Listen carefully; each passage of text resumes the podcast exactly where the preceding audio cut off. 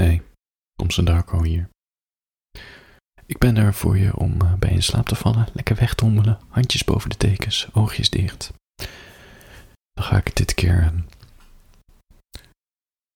vertellen wat niemand je over liefdesverdriet vertelt. Voor je in slaap valt. Het was op het schoolplein toen ze ehm, zei: Ik wil niet meer. En ik kan me nog precies herinneren wanneer het was. Echt, die herinnering is ja, het is gewoon als een soort plaatje in mijn hoofd zit het. We verzamelen ons buiten. Precies nadat je de deur uit bent gekomen op het schoolplein om in een lange rij naar de gymzaal te fietsen in een andere wijk. Tas op de rug. En net, laat me zeggen, in die chaos van om in de rij te staan, net voordat we vertrokken, zei ze, vroeg ze, kan ik je even spreken?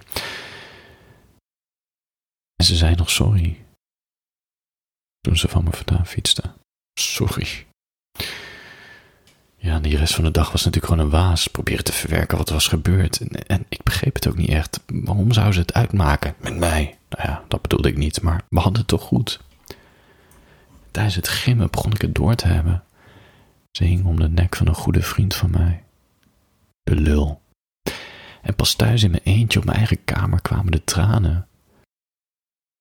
Terwijl toen ze de relatie verbrak voelde ik zoveel, wekenlang. Ik, ik, ik, ik kon het verdriet ook nauwelijks delen met mensen, want ik zag in hun ogen wat ze dachten. Mijn aansteller. Weet je, get over yourself. Geen handvol, maar een handvol. Maar ik snapte het gewoon niet. Waarom had het universum ons bij elkaar gebracht als het zo snel weer stopte? Wat had ik verkeerd gedaan? Wat maakte het dat ik niet goed genoeg was voor haar?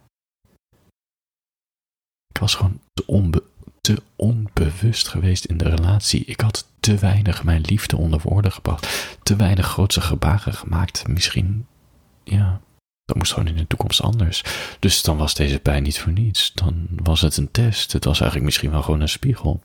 Er zaten lessen in verborgen. Ik moest het alleen ontrafelen, die lessen en het zien. Toen begon ik mezelf wijs te maken dat ze op een dag in zou zien wat ze had gemist. Want ik ben geweldig en onweerstaanbaar en je bent goed, goed gek als je mijn liefde niet wil krijgen. En ja, ik ging nog meer mijn best doen met alles wat ik deed. Ik ging niet zomaar voetballen, maar spectaculair voetballen. En niet zomaar lachen om andermanschapjes, maar spectaculair lachen. Zo van, zie mij je dikke lol hebben dan. dat ik eigenlijk probeerde te zeggen met een cryface. Houd van me, houd van me dan. Liefdesverdriet door rare dingen met je. Weet je, ik voel op de, op de dag van vandaag pijn in mijn buik als ik denk aan het moment waarop ze zei: Het is over. Zelfs mijn gezicht verkleurt bij deze gedachte. Terwijl het allemaal gebeurde in groep 7. Groep 7. What the fuck? Groep 7. Kunt je je voorstellen? Groep 7.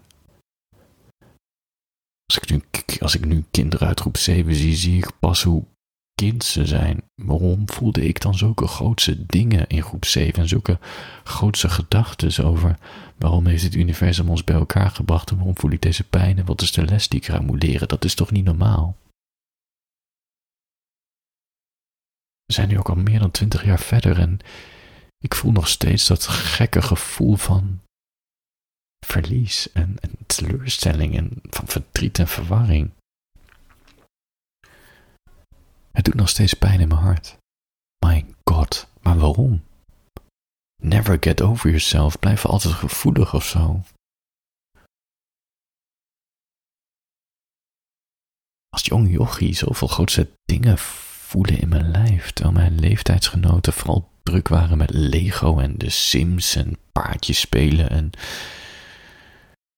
Ja, het is raar om anoniem te beseffen dat ik zulke volwassen dingen voelde in mijn kinderlijfje met mijn kinderbrein. En ik besef ook nu pas dat liefdesverdriet geen puzzel is die opgelost moet worden. Of moet ik puzzel zeggen? Puzzel, puzzel. Er komt geen moment van ik heb het verwerkt, ik ben genezen.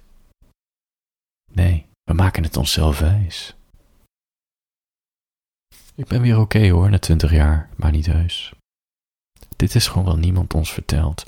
Sommige pijnlijke momenten in ons leven zullen nooit verwerkt worden. En het enige juiste wat je kan doen is het er gewoon laten zijn. Niet accepteren, niet doorvoelen, gewoon het er laten zijn. Ja, het klinkt als Boeddha, maar toch, als ik aan groep 7 denk, denk ik niet anno nu 2022 of ik nog een kans maak bij haar. Ik bedoel,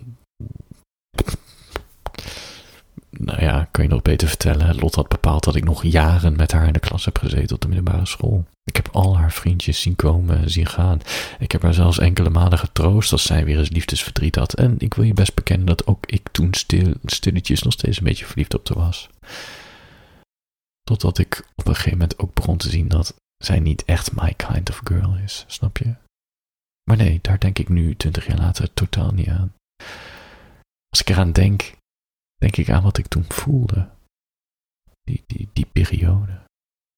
Toen ze in groep 5 notabene in mijn leven verscheen. Ja, ja, het is heel gek, want te beseffen, in groep 5 was ik al, nou ja, ik denk al binnen een week verliefd op haar. Ze had van die gouden blonde haren en ja, ze was gewoon knap, snap je?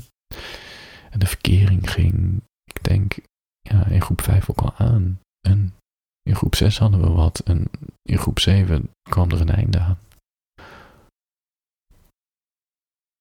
En weet je hoe, het is gewoon, als ik aan terugdenk, het was die periode toen we wat kregen, het was zo groot en zo mysterieus en zo heftig, die liefde in mijn lijf.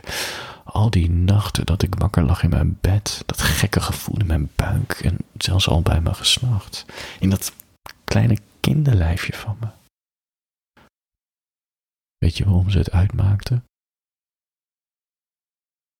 Ze had liever verkering met die vriend van me, want die had een paard.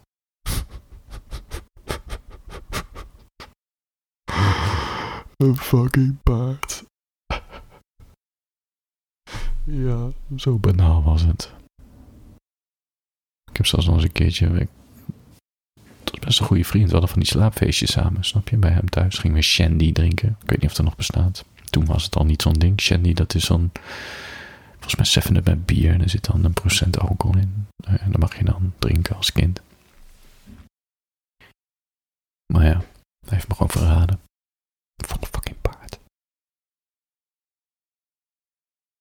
Ik vraag me nu af of zij wel wist wat liefde was. Of zij het ook al voelde. Of gewoon een volwassen wereld na probeerde te doen zoals zoveel kinderen uit mijn klas deden, snap je? Verkering nemen om het verkering nemen, omdat, ja, geen idee. Maar ik weet zeker wat ik voelde. Dat is waar ik aan denk als ik eraan denk. Dat ik een gevoelig lijf heb dat mijn hoofd met me aan de haal gaat. Dat mensen me in een dromerige sfeer kunnen brengen, dat die sterke, onbreekbare connectie ook weer zal breken. En dat pijn het resultaat is, dat pijn uiteindelijk ook zal vervagen zonder dat die ooit vertrekt. Het is er. Ja, dat is wat niemand je vertelt over liefdesverdriet. De pijn zal altijd blijven. Ook al heb je het soort van verwerkt en wil je niet meer terug. Dat is oké. Dat is gewoon oké.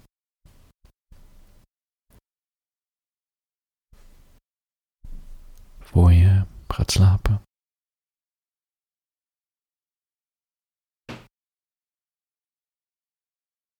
Ik was echt heel gefrustreerd.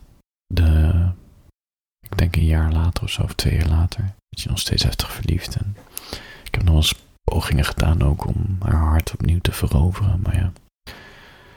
En we hadden een voordeur waar die, ja, wat is dat, die tong of zo die eruit komt, die dan in dat slot moet vallen. Dat als je de deur zo dicht trok, um, want aan de buitenkant van de voordeur zit natuurlijk geen klink, nee, dat die dan niet dicht ging. En dan dacht ik aan haar in mijn hoofd en dan, en dan ging de deur aan het slot. Je moet wat, als uh, bijna puber. Alhoewel, ik kreeg al okselhaar in groep 7, dus de ontwikkeling begon al vroeg.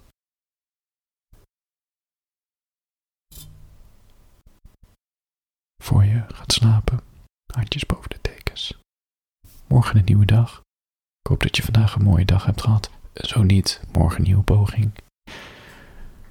En dat is het mooie. Hoe kut de dag ook is, er komt altijd een einde aan en er komt altijd weer een nieuwe dag. Het nadeel is als je een hele leuke dag hebt gehad, dat die ook eindigen. Maar ja, dat is de balans van het leven. Slaap lekker.